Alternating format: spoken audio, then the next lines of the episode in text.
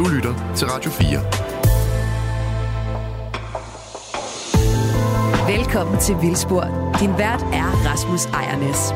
Velkommen til det nye Vildspor. Ja. Det er ikke bare Vildspor. Nej, men det... Ja, det ved... Jeg skulle have gjort et eller andet, det kan jeg godt se.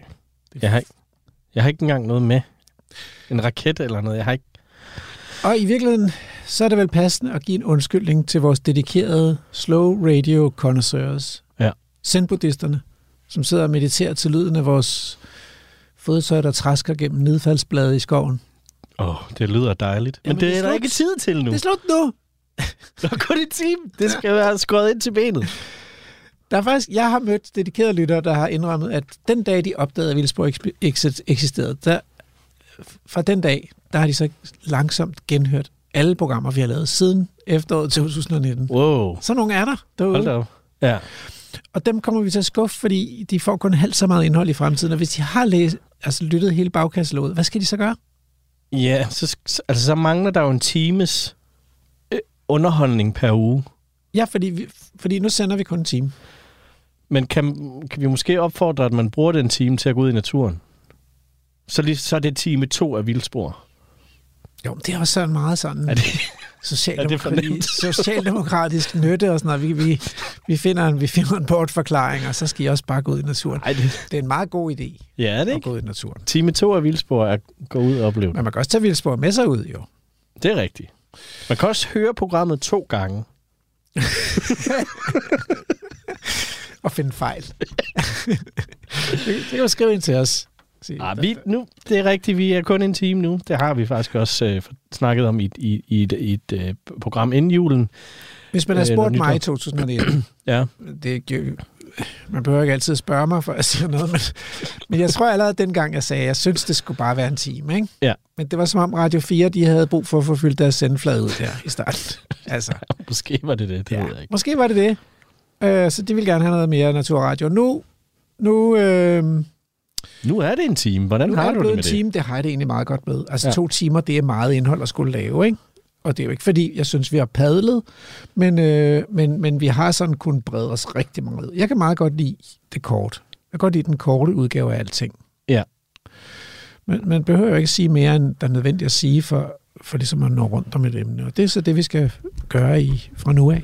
Jeg må sige, fra mit øh, synspunkt, jeg sidder jo nogle gange og tilrettelægger udsendelserne, og det gør jeg for det meste. Og vi har legnet tre gæster op i dag, kan jeg lige så godt afsløre nu. Og jeg synes, det virkede som utrolig lidt tid, de får at sige noget i. Altså, ja. Ja. vi er jo vant til, at de får meget længere taletid. Det er rigtigt. Og så, men det betyder så også, at vi skal være lidt færre om at lave vildspor, og, øh, så, og det bliver også to. Det, det er kerneholdet nu. Det er det. Ja. Skåret ind til benet. Det må man sige. Øhm, og så er det jo ambitionen, at vi kommer til at fokusere et emne, øh, et fokus, en vinkel, og at det hænger sammen fra ligesom oplægget til nedlægget. Ja, ikke nogen søde alpakaer nu. Nej, nu skal jeg simpelthen halsen over på det sæde alpakke her.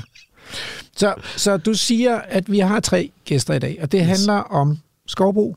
Hovedhistorien i dag, det er skovbrug. Det er på en måde en opfølgning fra øh, nogle programmer, vi lavede i slutningen af 2023, som handlede om, hvad kan de der, de der øh, erhverv, Ja. som lægger beslag på vores allesammens jord på en eller anden måde, hvordan kan de tage ansvar for biodiversiteten? Og det skal de til her i, øh, i de kommende år. Øh, der er kommet nogle direktiver om, at man skal rapportere ikke bare på, hvad man gør for klimaet, men også, hvad man gør for biodiversiteten.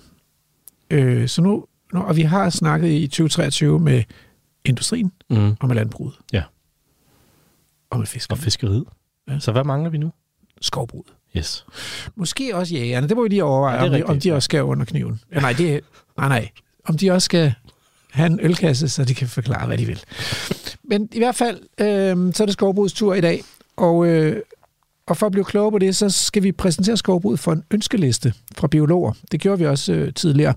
Så jeg ringer først til Jakob Heilmann Clausen fra Københavns Universitet, og dernæst til postdoc Mathias Justesen fra Institut for Geovidenskab og Naturforvaltning, også på Københavns Universitet. Og de får lov til at komme med nogle ønsker til, hvad man godt kunne tænke sig, der skulle ske ude i de her øh, danske produktionsskove så ringer jeg til Nils Otto Lundstedt, næstformand i Dansk Skovforening, for at spørge, hvordan skovbruget så øh, tager ansvar for naturen i dag, og hvad han siger til øh, de her ønsker fra biologerne til fremtidens skovbrug. Og så har vi faktisk, så har vi jo også lige gjort plads til en, en, et lydbrev fra før far var barn. Ja. Det er Martin Stolze, Yes. og det handler om heste. Ja. Skal vi ikke komme i gang? Afsted. Lytter til Vildspor på Radio 4. Så har jeg fået hul igennem på en Teams-forbindelse her til øh, lektor Jakob Heilmann Clausen. Øh, med, øh, du er vores go-to-ekspert i Danmark på skovenes biodiversitet. Øh, du har øh, brugt en stor del af din forskningstid i danske skove. Du har også været i rundt omkring i verdensskove. Og så, øh, så har du skrevet bøger og videnskabelige artikler om det. Og nu kunne jeg godt tænke mig, at altså, fordi vi har så et program i dag om, hvad skovbruget i Danmark egentlig kan gøre for Danmarks biodiversitet, hvordan de kan tage ansvar for det. Hvis, du nu, hvis vi nu skulle se på, hvordan har skovbruget klaret den opgave indtil nu? Altså, hvad har skovbruget i Danmark gjort for at tage ansvarlig hensyn til biodiversiteten? Kan man sige noget om det? Øhm, det kan man jo godt prøve, øh, og det er jo, øh, man kan jo tage flere perspektiver på det. Nogle vil jo sige, at øh, det var skovbruget, der gjorde, at de sidste skove overhovedet blev bevaret i Danmark for 200 år siden med, med fredskovsforordningen, så man forhindrede, hvad skal man sige, den totale udryddelse af skove i Danmark, og, og øh, og det er jo svært at sige, hvad der var sket uden en fredskovsforordning og uden de her skovbrugskræfter øh, for at, at beskytte de skove, der var tilbage. Øh, men, men de skove, der så kom frem, var jo, altså det, det, det, det her, det var selvfølgelig en proces, der skete over lang tid, men, men 1805 og fredskovsforordningen markerer jo en, en, en, en vigtig trans, altså en, en transformation af den måde, man brugte landskabet på, hvor den tidligere skovdrift øh, havde meget fokus på at bruge skovene til græsning, til brænde, til at hente tømmer, altså et meget flersidigt øh, brug af skoven, øh, som egentlig opretholdt nogle ret åbne skove med ret mange gamle træer, fordi at de her græsne dyr, de skulle have æren blandt andet, og de kom jo fra gamle i- og bøgetræer. Øh, og øh, det gjorde egentlig, at de her skove var, var meget, meget anderledes, og havde en helt anden type af levesteder, også for, for arter, der skal have gammel skov. Mm. Øh, de moderne skove, der kom frem, de blev jo så, hvad skal man sige, optimeret til at, at være produktive, øh, med fokus på en enkelt øh, ressource, øh, det vil sige tømmer øh, og, og træ til, til som kunne altså have større dimensioner. Øh, og det betød, at lysninger blev tilplantet, dyrene blev smidt ud af skoven, øh, og, og vi fik de moderne, hvad skal man sige, skove med fokus på, på, på effektiv produktion. Og øh, kun øh, de allermest besværlige områder fik lov til at, at, at overleve som noget, der minder om, om natur. Men altså, øh, man kan vel godt sige, at skovbruget er lykkedes med sådan ligesom at, at vinde lidt ind på landbruget. Altså, vi har også fået mere skov i Danmark øh, i de sidste 100-200 år. Ja, over de sidste 200 år er, er, er skovarealet stort set firedoblet. Ja. Og, Men- og det betyder, at der er jo, der er jo mere ressource for grænsanger og, og mange af de her arter, som bare skal have et, et skovmiljø for at klare sig. Mm. Øhm, mens de arter, der virkelig skal have de specielle øh, habitater, de har faktisk, selvom der er kommet mere skov, ikke fået flere levesteder. Det er gået tilbage for, for, for gamle træer, for skovsumpe og lysninger, som er blevet, blevet effektiviseret væk, kan man sige. Undtagen de steder, hvor der var en eller anden godsejer eller nogle andre, der synes, hey, det her vil vi gerne bevare, for, fordi vi godt kan lide det her smukke skovbillede. Men, men, øh, men kan man overhovedet kombinere moderne skovbrug? Fordi det lyder jo lidt som om, at, at, at skovdyrkerne, de, det er jo deres opgave at dyrke noget tømmer i skoven og, og nyttiggøre skoven og også skabe noget samfundsgavnligt øh, byggematerialer og sådan noget. Er der, er, det overhovedet, er der overhovedet et potentiale for at tilgodese naturen eller tage ansvar for naturen, når man producerer tømmer? Øhm, ja, det vil jeg jo mene, der er. Øhm, fordi, og, og måske også mere, end der er i, i, i det lysåbne landskab, øh, hvor man gerne vil have noget øh, moderne landbrugsproduktion, så kan man sige, at der er nok lidt flere marginalområder i en skov, hvor hvad skal man sige, de udgifter, man har forbundet med at rent faktisk at transformere den til noget, der er, er produktivt, ikke rigtig stemmer, ens, og står- stemmer overens med, med det udbytte, man kan få af at producere tømmer på de arealer. Så, så mange af de øh, øh, sumpede områder, der er i skovene, som man meget ivrigt har drænet øh, over de sidste øh, 200 år, øh, mange af dem er, er sådan set ikke lønsomme at dræne i virkeligheden. Mm. Okay, men hvis nu du så, der er så en, en skovejer, en stor dansk skovejer, der ringer til dig, og så siger, jamen altså Jakob, øh, jeg vil gerne gøre noget for biodiversiteten, jeg skal skrive den her rapport om, hvordan jeg tager ansvar for biodiversiteten. Kan du ikke lave en liste til mig over de lavest hængende frugter, og det, der, det, det det, jeg kan gøre, uden sådan helt at ødelægge min forretning. Hvad skulle sådan en, altså hvad kunne din ønskeliste til sådan en skovdyrker så være? Hvad kunne den lyde på?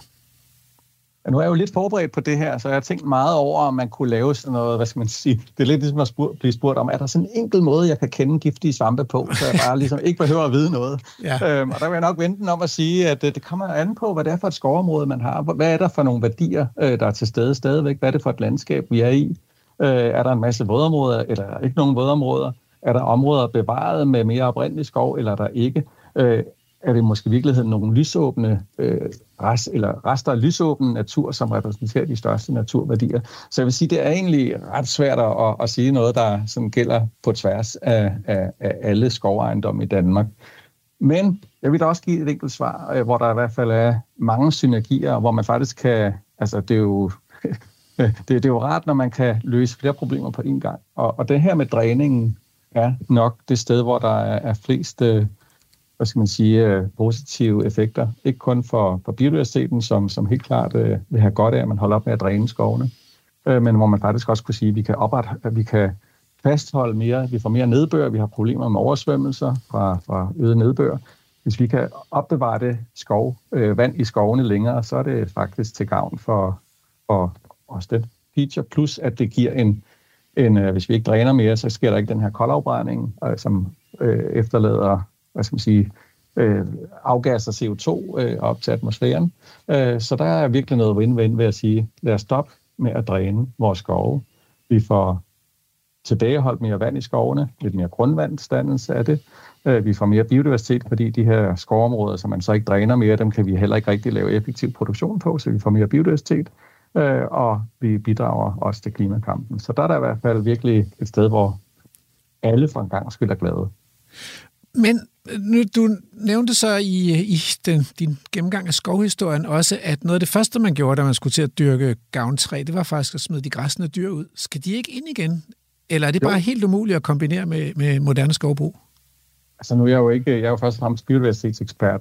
Øh, når jeg har spurgt skovfolk om det her med at, at for eksempel have nogle køer, der går rundt i skoven, eller øh, eller andre større pattedyr. Der er jo ret meget hjortevildt, og det øh, synes man jo er mega besværligt, hvis man vil lave noget, der minder om naturnær skovdyrkning, fordi de har en tendens til at kun lade de allermest uspiselige træer blive stående. Så en masse hjortevildt er super besværligt i mm. en produktionsskov. Man skal hegne sig ud af det.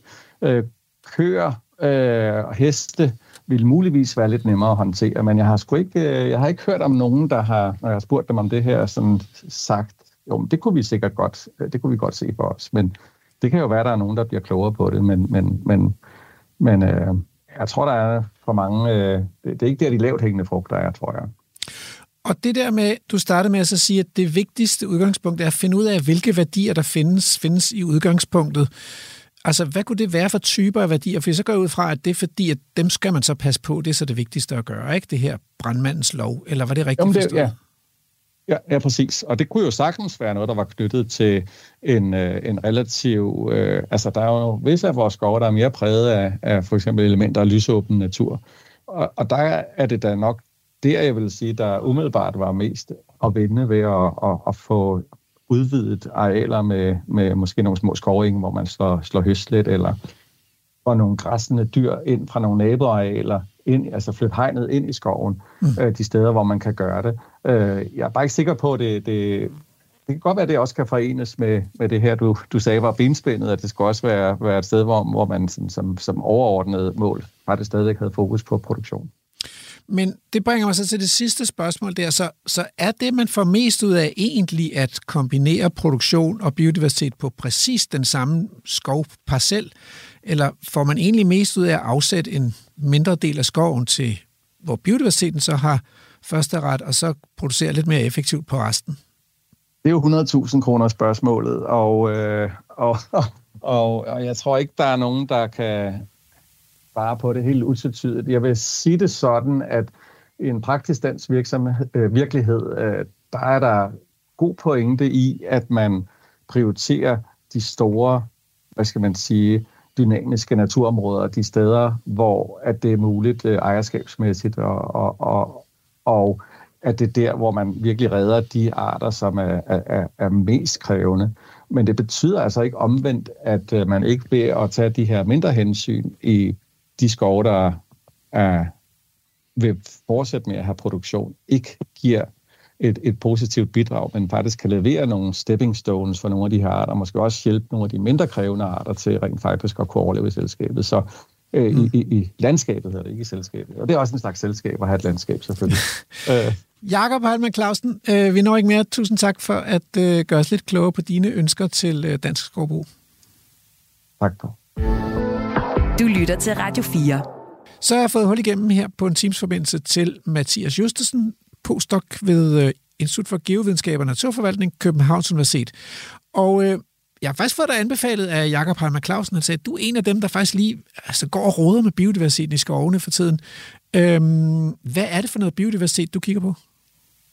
Så øh, hvis man skal sige øh, sådan, øh, i et populært term, hvad jeg godt, så er jeg en billemand, og jeg går billemand. rigtig meget op i at kigge på biller. Og Men... vi har cirka 4.000 arter i Danmark, og øh, dem, jeg har kigget meget på i skoven, det er løbebillerne, og der er 325 arter, øh, som man kan gå og kigge på. Øhm, dem, det jeg har lavet meget, jeg har øh, i forbindelse med mit speciale, der har jeg kigget på de her løbebiller i forbindelse med, hvad skovdrift har betydet for diversiteten af løbebiller. Og så har jeg i forbindelse med min Ph.D. kigget meget på, øh, på vådlandsområder, og hvad forskellen i vådlandsområder på tværs af skovdrift, øh, hvordan det ligesom påvirker de her løbebilsamfund. Så øh, det er sådan det, jeg meget har, har brugt tid på ude i skovene, på at gå og kigge. Og, og jeg tror bare, jeg er bare en skide botaniker, men altså, jeg, jeg forestillede mig, at, at de der biler ikke kunne lide at få våde fødder, så, så det mest var sådan nogen, der øh, huserede op på det, den tørre bund, men der er specialiserede ja. biler, som er knyttet til vådbund også. Ja, det er der virkelig. Ja. Øh, meget, meget specialiserede biler, og man kan sige, øh, øh, det som, øh, så, så PhD projektet var egentlig lidt en, øh, en opfølgning på specialeprojektet, hvor det var meget tydeligt at se, at der var blevet lagt nogle plots tilfældigt ud over de urørte skove og de forstigt drevne skove. Og øh, de plots, der tilfældigvis lå vådt, havde bare en helt anden løbbilsammensætning end mm. dem, som lå tørt. Mm. Øhm, og det, det har man sådan set godt vidst. De løbbiler responderer rigtig meget på, øh, på forskellige fugtighedsforhold og sådan noget. Og det er blandt andet styret af, at de er rovdyr, og det er nogle helt andre organismer, der findes, når det bliver vådt. Der er rigtig mange øh, fluer eller tovingerlaver, som ligger nede i det her lidt fugtige jord. Der er fyldt med springhaler, der er fyldt med alle mulige midler, og det er det, de godt kan lide at spise, nogle af dem. Mm. Så derfor vil nogle våde områder øh, være gode for de løbbiler, der godt kan lide at spise det, og dem, som mere løber rundt imellem sådan et, et tykt førnedække af blade, og mere lever af snegle og regnorme og sådan noget, de, de bliver så påvirket af nogle andre ting man kan sige lige løbbillerne som organismegruppe i forhold til, øhm, øh, hvad der virkelig vil blive påvirket af skovdrift, der er det især alle de dybvedslevende biller og sådan noget, som virkelig bliver, vil blive direkte påvirket af, hvad der sker. Men de er rigtig gode til at vise de her for, forskelle i, i klimaforhold, hvis man kan sige det sådan. Hvad med, hvordan har løbebillerne, hvis man for eksempel sammenligner med sommerfuglene, hvor der var uddødet et helt dusin dagsommerfugle, der levede i lysåbne skove og skovlysninger.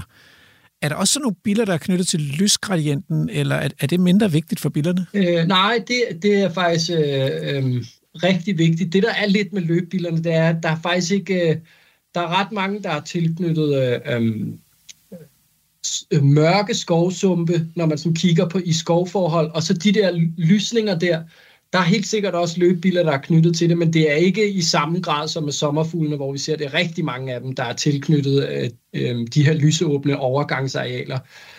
Øh, det er der også nogle enkelte arter af løbbiler, der er helt sikkert, men øh, det er ikke i samme overvejende grad. Og løbebilerne, vi har tidligere talt biler i forbindelse med gødning, men løbebilerne, de går ikke på gødning, vel? Eller er de sådan lidt sekundære Nej. eller ikke specielt? Nej. Nej. Nej. Så det er lige meget, om der går nogle store, nogle store pattedyr og og lægger deres afføring der i skoven. Okay, men nu til øh, opgaven. Øhm, hvis du nu skulle komme med nogle ønsker til sådan nogle skovdyrkere der, øh, baseret på, hvad du går og oplever i skoven, hvad, så, hvad kunne det så dreje sig om? Altså, så, så sådan i første år er jeg sikker på, at I har været inde på noget af det med, med Jakob Heilmann Clausen, men, men øh, i første omgang, så er det sådan lidt det der med, hvad kan man som personlig skovdyrker, øh, altså det bliver hurtigt, øh, hvem har ligesom ansvaret for at gøre noget? Øhm, og og der, der kan man ligesom tage en helt anden diskussion, men hvis man bare ender med, okay, vi har en skovdyrker, der rent faktisk gerne vil gøre noget for biodiversiteten, hvad vil, vil jeg så gerne have? Ja, det er udgangspunktet simpelthen. Så vi antager, det at det vil de bare rigtig gerne. Yes. Men selvfølgelig inden for en begrænset økonomi, så... Som du, men, og der men, stadig ligesom er øh, fokus på skovdrift eller tømmer... Øh, ja, øh, men det, er jo, men det er jo deres opgave at lægge ambitionsniveauet. Du skal jo bare ønske for den øverste hylde, hvis... Ja. Altså, bare og man kan gas. sige... Øh, faktisk så vil jeg sige, jeg, jeg ved ikke, hvor meget jeg har været inde på det her med Jakob, men øh, mit råd nummer et vil faktisk være at læse de vidensblade, som Jakob øh, Heilmann Clausen i tidligere har snakket med, og Martin Schier Christiansen i samarbejde med, i hvert fald på et af vidensbladene, mig og min kollega David Byriel og øh, øh, Louise Nabo Nielsen. Øh, men, men vi har lavet nogle vidensblade, og jeg vil faktisk anbefale alle skovdyrkere, og det er sådan set alle skovejere, som kunne have en interesse i at gøre noget for biodiversiteten. Gå ind og læs de her vidensblade, fordi de er geniale til at fagne det, som kan være øh, dilemmaet, nemlig hvor kommer man ind fra, hvad er udgangspunktet, man har. Øh, så, så derfor vil jeg anbefale dem, fordi de spænder bredt. De spænder fra dem, som har tømmerproduktion, hvad skal de gøre? Dem, som gerne, som som har en gods. Jeg kan, jeg kan høre, du... Øh, ja, nu, ja fordi jeg vil sige, men nu, men nu er det mest til lytterne og ikke til skovdyrkerne, så, vi, så du skal fortælle, hvad de skal gøre. Så vi skal... Ja. Så, så man kan sige, øh, der er alle mulige forskellige parametre, man kan, man kan dreje på. Og det, der er sket igennem skovdyrkning, øh, som er dårligt for biodiversiteten, det er, at man er gået fra at have masse forskellige træer til at have en enkelt. Det mm. kan man kigge på. Det er der nogle parametre, som er gode til. Blandt andet kan man... Øh, Øh, Øh, hvis man genopretter den naturlige hydrologi, så kommer der en hel masse variation i, hvor vådt er der, hvor tørt er der. Det er der forskellige træarter og buske, der kan lide. Øh, også planter for den sags skyld. Også alle mulige dyrearter, som er tilknyttet det. Men det er et godt parameter, man for eksempel kan dreje på. Og det kan man gøre i, i øh, mere eller mindre grad. Man kan stoppe drænet til i fuld længde. Det vil have en større effekt på et større område. Man kan lave nogle punktblokeringer af drænene, som vil have nogle mindre effekter. Man kan gå i gang med at genslynge øh, øh, de udrettede vandløb inde i skovene. Det vil have en kæmpe effekt på vandløbsfagnaen. Så generelt naturgenopretning, men gennem naturlig hydrologi, er et eksempel på noget, man kan gøre. Man kan øh, øh i forbindelse med øh, dødt ved og veterantræer, er der en masse ting, man kan kigge på. Så når man kigger på, øh, nu vender jeg meget tilbage til billerne, men egentlig generelt øh, er det svampe, det er fluer og det er biller, som virkelig har en, en stor fordel af øh, at få mere dødt ved ind i skoven, få flere gamle træer ind i skoven, øhm, og det er selvfølgelig også flagermus og spætter og alt sådan noget. Der er bare færre arter af dem, men de er også mega vigtige og er også totalt påvirket af det. Mm. Men de her dyr vil blive meget påvirket af, at man får mere dødt ved i skoven, øhm, øh, flere gamle træer. Det man øh, især ser i forbindelse med skovdyrkning, det er, at forfaldsfasen er blevet totalt fjernet. Så øh, hvis man tager egetræer som eksempel, de bliver omkring 500 år gamle. De kan godt blive meget mere, de kan godt blive meget mindre, øh, men i gennemsnit omkring 500 år gamle. Og i en skovdyrkningssammenhæng bliver de fældet, når de er omkring 150 år gamle. Og det er ligesom hele den fase, som virkelig er guf for biodiversiteten, der bliver fjernet. Så det er et fokuspunkt, man kan have. Øhm, Ja, det er måske. Og så er der selvfølgelig skovgræsning også, man kan gå i gang med. Der er øhm, få flere skovlysninger ind i skoven og sådan noget. Men det er alle sammen sådan nogle ting, som er, er taget meget måske fra den store klinge, hvis man kan sige det sådan. Ja, for, ja hvordan mener du den store klinge? Når, altså de her eksempler med, med, med vandet og, og, og afvandingen og store træer og gamle træer og dødt ved, og så noget lys i skovene man kan sige, det, det er jo, øh, eller taget fra den store klinge, det er jo altid, hvad man gør det til, men ja. det er noget, hvor hvis det virkelig skal batte for biodiversiteten, så skal der meget af det. Øhm, det, der er, er fordelen, kan man sige, øh, i hvert fald med dødt ved, der kan man se på studier, at øhm, hvis du går fra at have øh, 3 hektar per kubikmeter til 6 hektar, så, at, så giver det mere til øh, biodiversiteten, end du går, hvis du går fra 50 hektar til 53 hektar. Så, så øh, øh, typisk vil det så være de mere almindelige arter, og de arter, der ligesom er tilpasset lidt dødt ved i skoven, som kan finde ud af at tilpasse sig øh, det her. Men, men der er ligesom en stor effekt selv af små. lidt biodiversitet, små mængder, så derfor vil man kunne gøre lidt, men øh, de fleste anbefalinger peger på, at vi skal helt op på omkring 50 hektar kub, som minimum. Kubikmeter? Øh, per 50 øh, kubikmeter per, per hektar, ja. for det ja, virkelig ja, batter. Ja. Øhm, så, så det er sådan lidt, hvad for en klinge man er på. Ja. Men øh, super spændende. Jeg tager dine ønsker med videre til... Øh, nu jeg skal tale med en skovdyrker med, den, med Danmarks Skovforening, så, øh, så du må lytte med og så se, om, øh, om de er med på nogle af idéerne. Tusind tak ja. for at komme med nogle øh, gode ønsker til biodiversiteten i danske skove. Det var så lidt. Du lytter til Radio 4 nu har jeg fået hul igennem til øh, forskkandidat Nils Otto Lundstedt, og du også godsforvalter, og som end også næstformand i Danmarks Skovforening. Velkommen. Tak skal du have. Og øh, du skal gøre os lidt klogere på, hvad det egentlig vil sige at tage ansvar for naturen, når man dyrker skovene i den dyrkede skov. Og øh, vi har været rundt om landbruget, vi har været rundt om øh, fiskeriet tidligere, vi har været rundt om industrien, og vi har stillet dem alle sammen det samme spørgsmål. Hvordan kan man ligesom, når man nu er naturforbruger eller pladsforbruger i Danmark, hvordan kan man også tage hensyn til naturen øh, i ens produktion? Så hvis jeg nu skal lægge ud med et spørgsmål, så kunne det lyde, altså frem til i dag, hvad har skovbrug så gjort for at tage ansvar for biodiversiteten i skovene? Det er, det er et godt spørgsmål. Det er også et meget bredt spørgsmål, Rasmus. Ja. Øh, vi synes jo i virkeligheden, at vi altid har taget hensynet øh, til biodiversiteten i det private skovbrug, som er dem, jeg taler for nu. Mm. Det synes jeg også fremgår af, af Biodiversitetsrådets sidste rapport, hvor, hvor de siger, at der faktisk er en del biodiversitetsværdier i skoven. Men det er noget, der er kommet meget, øh, meget mere fokus på gennem de sidste 25-30 år. Øhm, og jeg vil sige, nogle af de steder, hvor det er helt oplagt i dag, at øh, man har mere fokus på biodiversitet, end man havde tidligere, det er omkring certificering, for eksempel, hvor et stadig stigende skovareal i Danmark bliver certificeret. Det er hensynene til randzonerne, det er skovbrynene, det er efterladelse af mere dødt ved, hvor vi ser positive tendenser hele vejen rundt, og det er noget, som alle skovere i dag egentlig har med sig, og altid har haft med sig i deres skovdrift, at sætte arealer til side til andet end en ren, skal vi kalde det, produktionsskovbrug. Så kan du sige et par ord om det der med certificering? Jeg gætter på, at mange af Vildsborgs lytter, de har godt hørt om det der, man, man køber et havesæt ned i uh, F, uh, FDC, havde han sagt, uh, FDB, Brusen Corp hedder det i dag, uh, og så står der det FSC-certificeret træ. Hvad vil det egentlig ja. sige at FSC-certificere sin skov? Øh, jeg er, hvis det er okay, så vil jeg tage udgangspunkt i det, der hedder PFC, som er det, jeg ved mest om. Ja. Licens PFC-certificeret. De minder utrolig meget om hinanden, de to ordninger.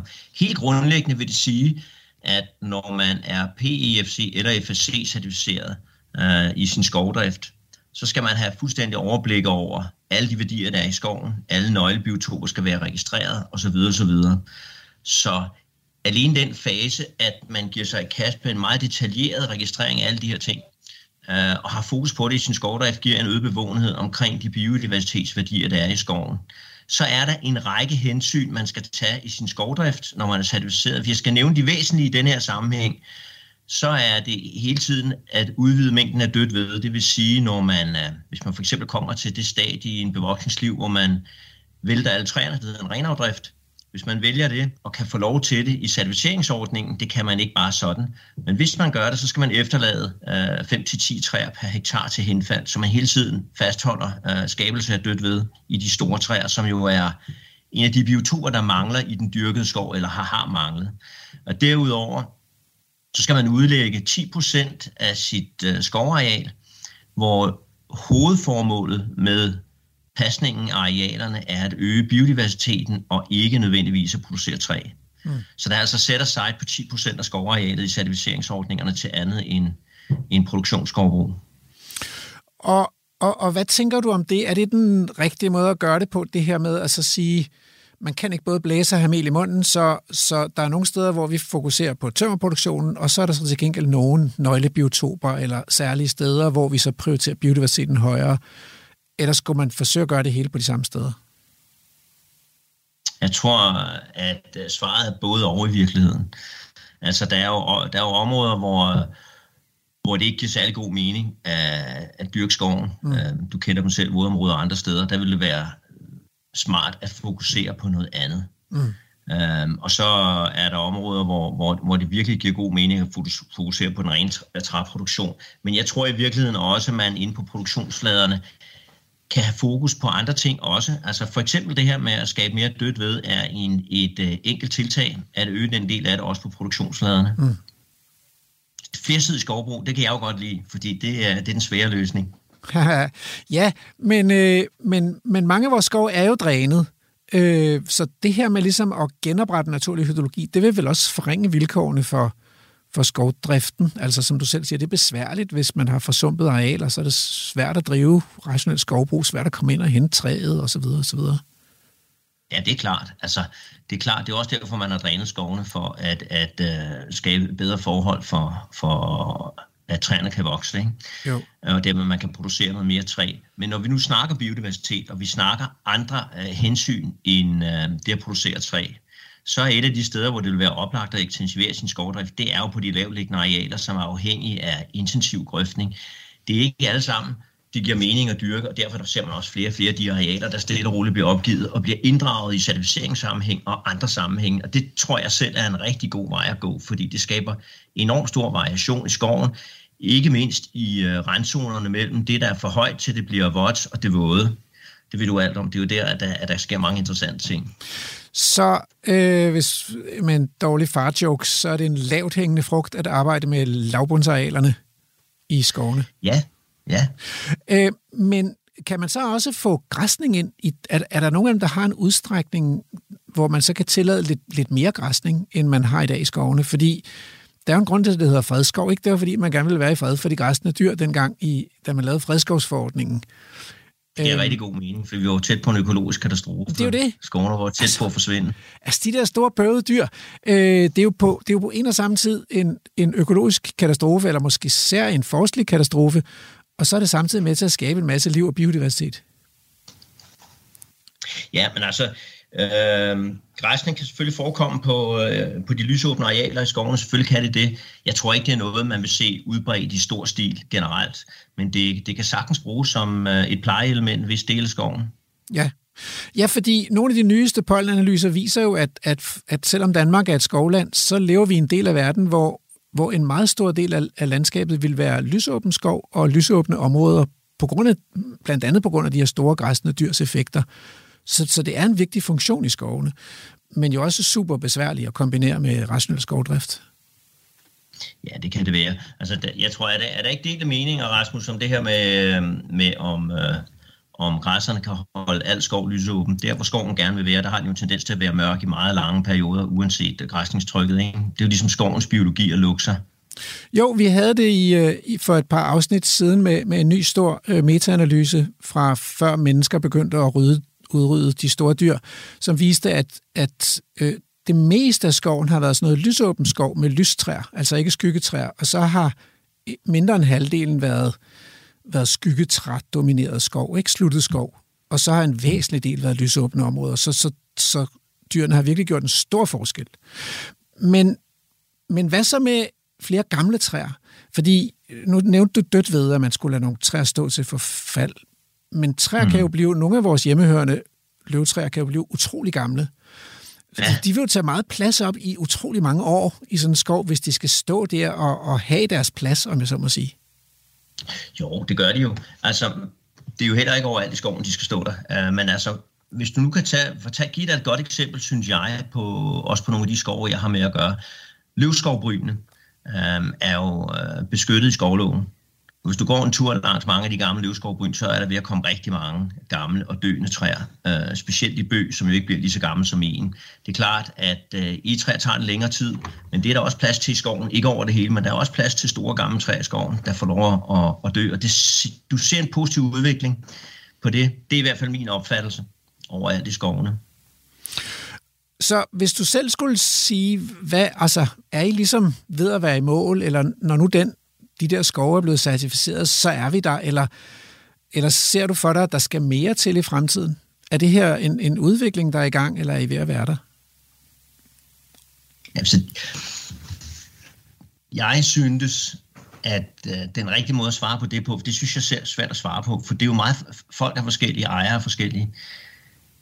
Jeg syntes, at skoven leverer en, en række økosystemtjenester. Biodiversitet er en af dem.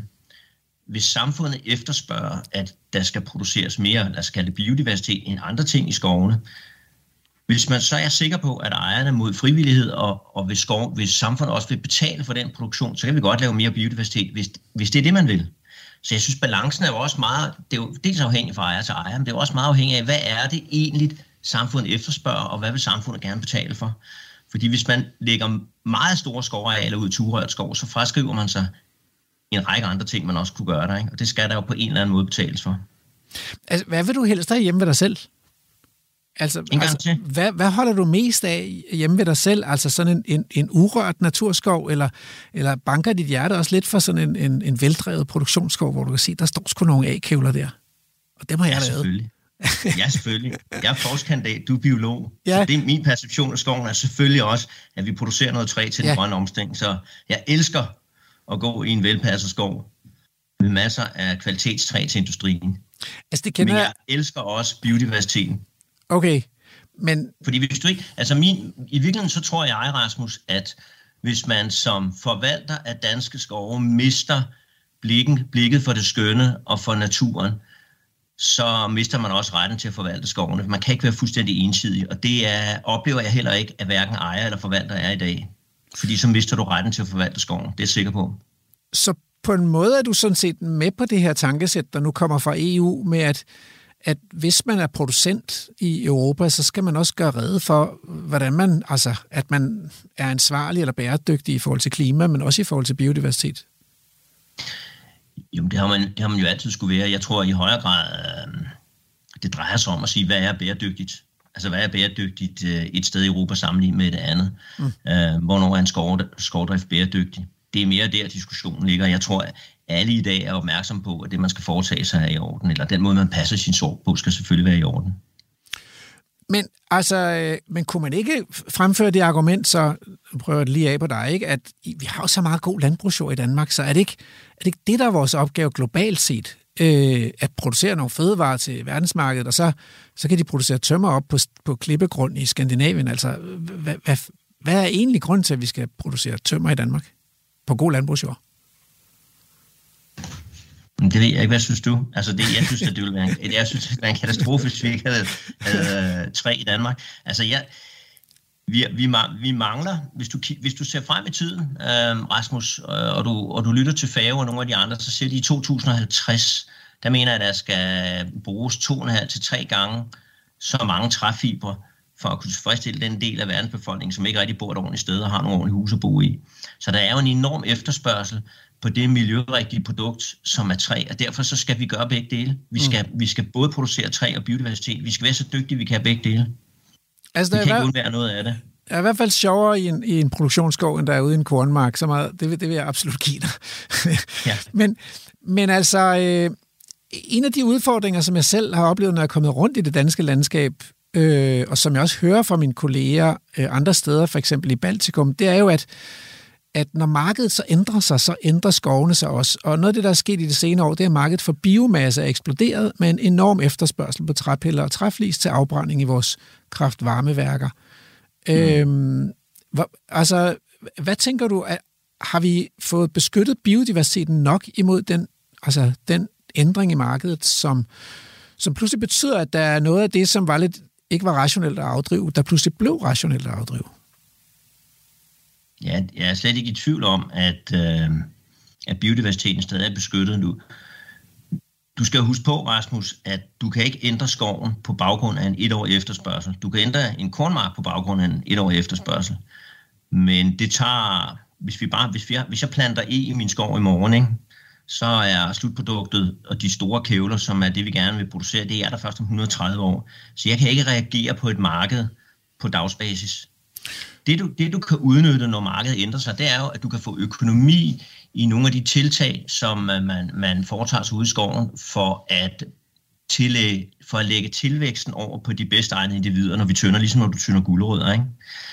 Øh, men der er jo ingen af os, der sælger træ til flis, før vi har sørget for, at savværkerne og patteværkerne, og hvad det ellers måtte være, får deres effekter, fordi de er bedre betalt end flis. Mm. Og jeg tror ikke, jeg tror ikke på den måde, at naturområder forsvinder, fordi at nu tænker man, hui hej, nu kan jeg få noget for min flis, nu går jeg ud og, og, og, og vælter alt det, der står øh, på de smukke steder. Tværtimod tror jeg, at du vil opleve nogle steder, at, at der vil blive komme nogle af de nogle, måske nogle rydninger, som du efterspørger, hvor man siger her, hvis vi gerne vil lave noget naturpleje her, for ryddet op i det, nu er der lige pludselig også noget til at betale for det, fordi at man kan lave flis af effekterne. Ikke? Så jeg tror, jeg tror sådan set, det er en win-win.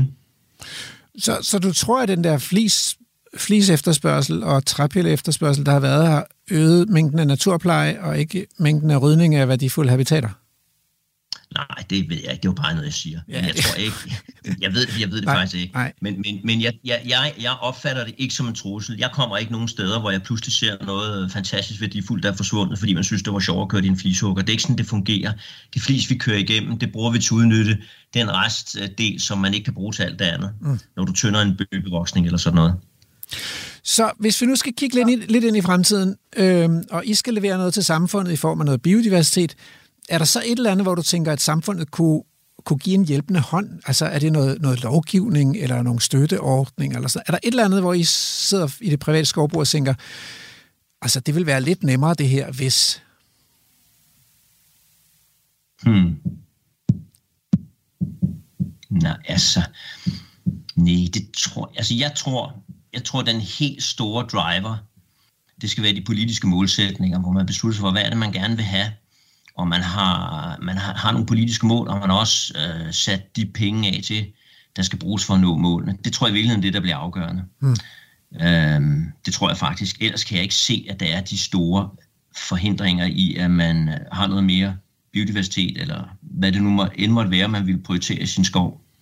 Og de politiske mål, der betyder noget for jer i skovbruget, det er målet om skovareal og målet om urørt skov, eller øh, kunne det være sådan to eksempler?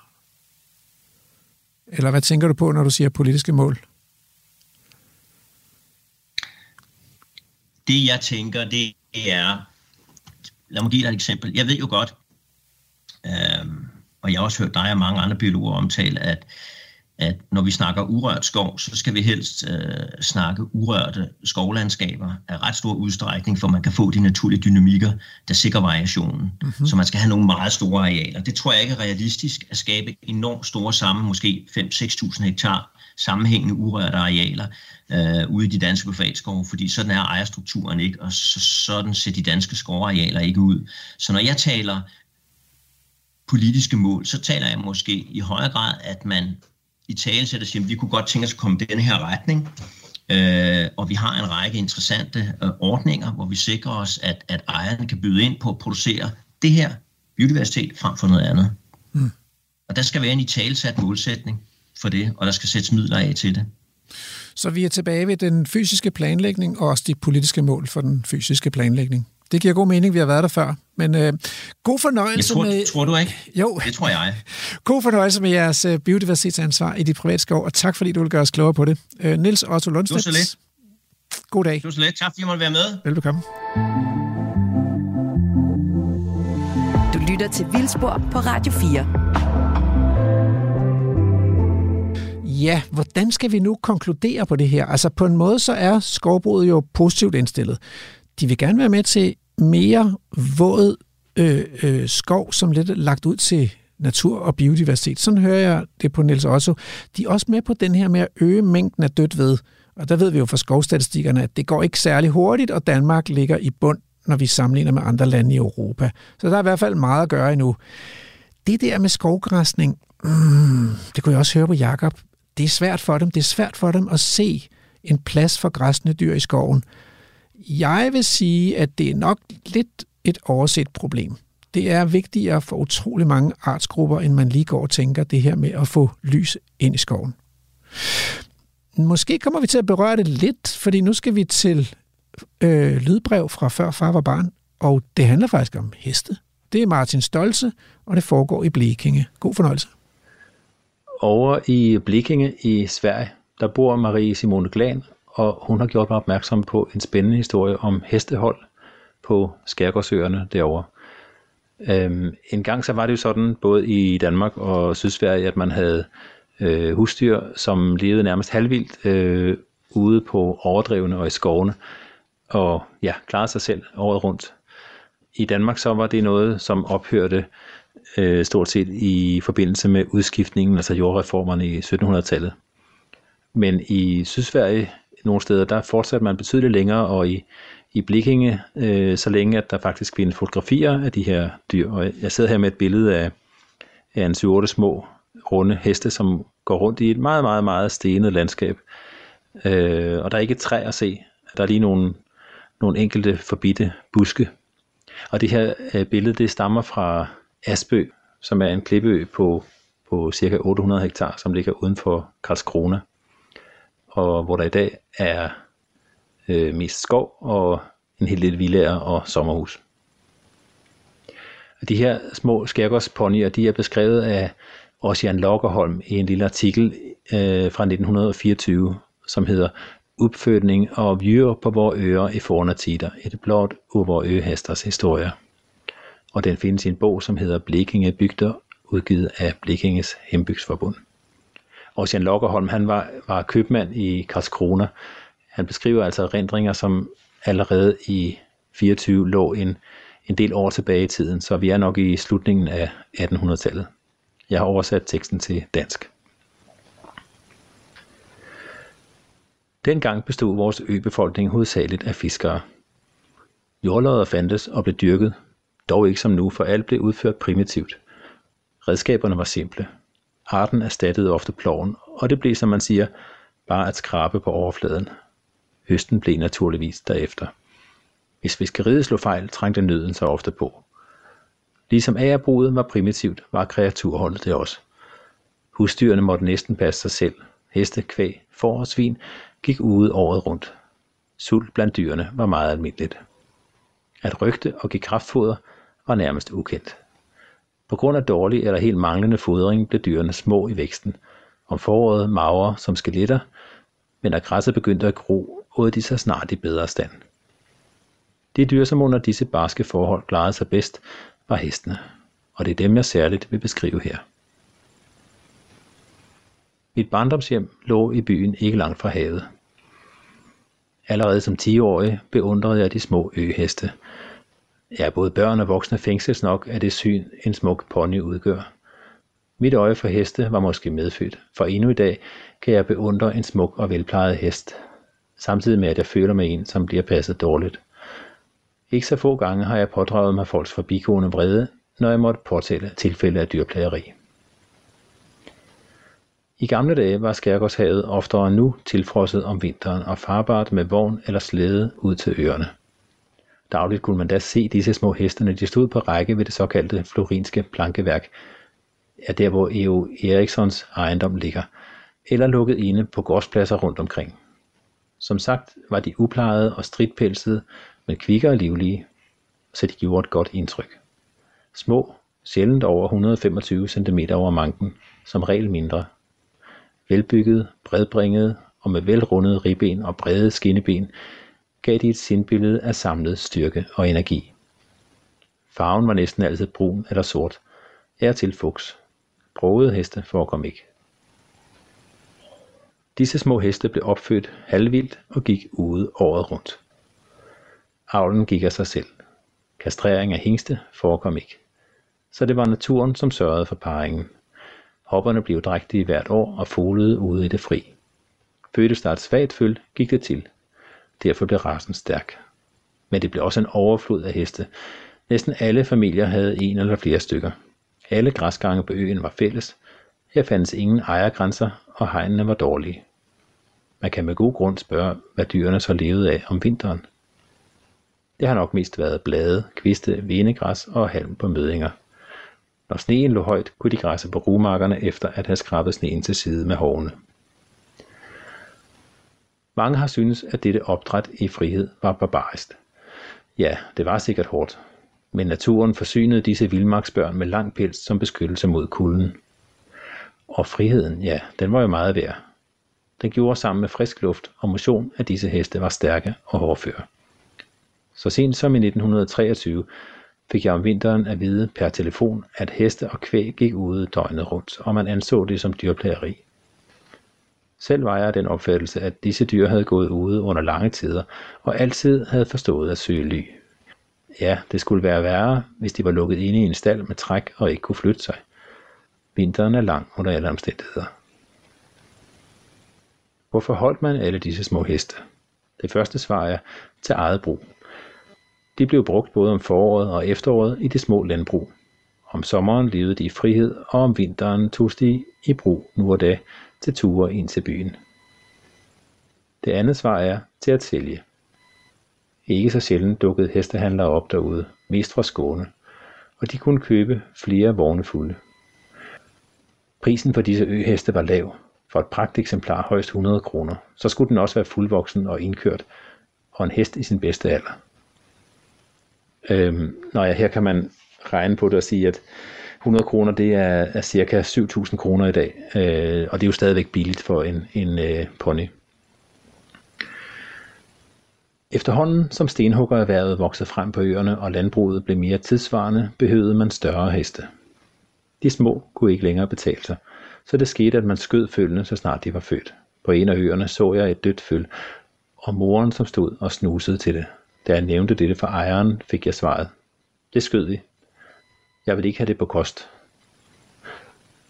Hvorvidt det blev fjernet for overdrevet, ved jeg ikke. Men sikkert ikke. Dyrevenner var øboerne ikke. Som jeg tidligere nævnte, blev de små heste brugt til ture over isen. Hvis der var tale om en fin tur en søndag, blev de spændt for en smukt malet pindeslæde med strålende seletøj. Blandt andet var rygstykket ofte udskåret i træ i form af to delfiner og smukt malet. Man brugte aldrig skavlereb, men altid stænger, også til parspand. Til hverdag var seletøjet det mest enkle. Tømme og hovedtøj, lavet af reb, og bidet, måske af et sekstommer søm. Man kan synes, at jeg har skrevet for hårdt om vores øboer, men man må ikke dømme dem for hårdt. Det er jo mennesker, som ofte selv måtte risikere livet for sin eksistens. Og vores øer er nu i 1924 meget anderledes end før. Nu er det ikke usædvanligt at se et eller andet veldrevet landbrug. Husdyrholdet er også bedre, og stort set er øbefolkningen dyrevenlig. Mm. Det var øh, Ossian Lokkerholms øh, artikel, og han var altså optaget af datidens diskussion om dyrevelfærd, men også samtidig fascineret af, af øhestenes frie liv, og han kæmpede for at bevare dem i sin samtid. Og det lykkedes desværre ikke, fordi øh, ligesom mange andre lokale varianter af små heste, som jo fandtes øh, rundt omkring, så gik Blekinges øheste tabt, da man behøvede større heste. Øh, men det er ikke ret længe siden, at de var der.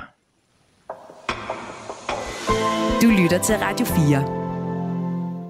Jamen altså, det, var det program, det første synes, det gik ekstremt hurtigt. jeg kan slet ikke forholde mig til det her. Præcis, du plejer at sidde og meditere i lidt ja, længere tid der på stolen ved siden af mig, men ja. det, det skete ikke i dag. Nej. Nej. Nå, øh, men altså, vi bliver vel ret gode til det hen ad vejen, det tror jeg, vi gør. Det, det, det skal vi nok. Altså. Ja. Vi kan jo godt finde ud af at lave en times programmer bare i studiet. Fordi der er jo altid en reportagedel. Det er ligesom, om det bare føles kortere alligevel. Jeg Der det. bliver ikke plads til spade for en spade. Det er rigtigt. Det, bliver, det bliver, må vi samle op igen. Ja. Fordi jeg, jeg, jeg, har, jeg, har sådan, jeg har lidt sådan, åh, det der med lyset i skovene, og det Ja. med græsningen og sådan noget. Ja, det gør lidt ondt, ikke? Og det er også som om, at der er sådan lidt en Aarhus-skole og en Københavnerskole. Og Københavnerskolen, de snakker hydrologi, og Aarhus-skolen snakker græsning. Okay, det var faktisk meget interessant. Og det kunne jo godt være, at vi skulle prøve at lave et program om det. Ja, det, Det, det kunne synes blive jeg. en dialogkaffe. Ja, det synes jeg helt sikkert. Okay, men øh, vi er ved at være i mål nu med dagens program, så det er tid til den lange takketale. Tak til Martin Stolze for et øh, dejligt lydbrev. Tak til Jakob Halmer Clausen, lektor ved Center for Makroøkologi, Evolution og Klima, Københavns Universitet. Tak til postdoc Mathias Justesen øh, fra Institut for Geovidenskab og Naturforvaltning. Og tak også til Nils Otto Lundstedt, øh, godsforvalter og næstformand i Danmarks Skovforening, for at give sit sådan øh, nøgterne, ædrolige bud på, hvor meget, øh, hvad deres ambitioner er i det private skovbrug for at tage naturansvar. Dagens vildspor blev undfanget med hjælp fra producer og skovtrold Andrew Davidson, som legnede skovfolkene op i lige rækker, så de stod klar til min motorsav her. Nej, selvfølgelig ikke. Øh, det er i hvert fald tid til ugens haiku. Det lyder sådan her. Lyse egekæmper, som kvæg og heste fortrængt, von Langens skygge. Programmet er produceret af Videnslyd for Radio 4. Du har lyttet til en podcast fra Radio 4. Find flere episoder i vores app, eller der, hvor du lytter til podcast. Radio 4. Ikke så forudsigeligt.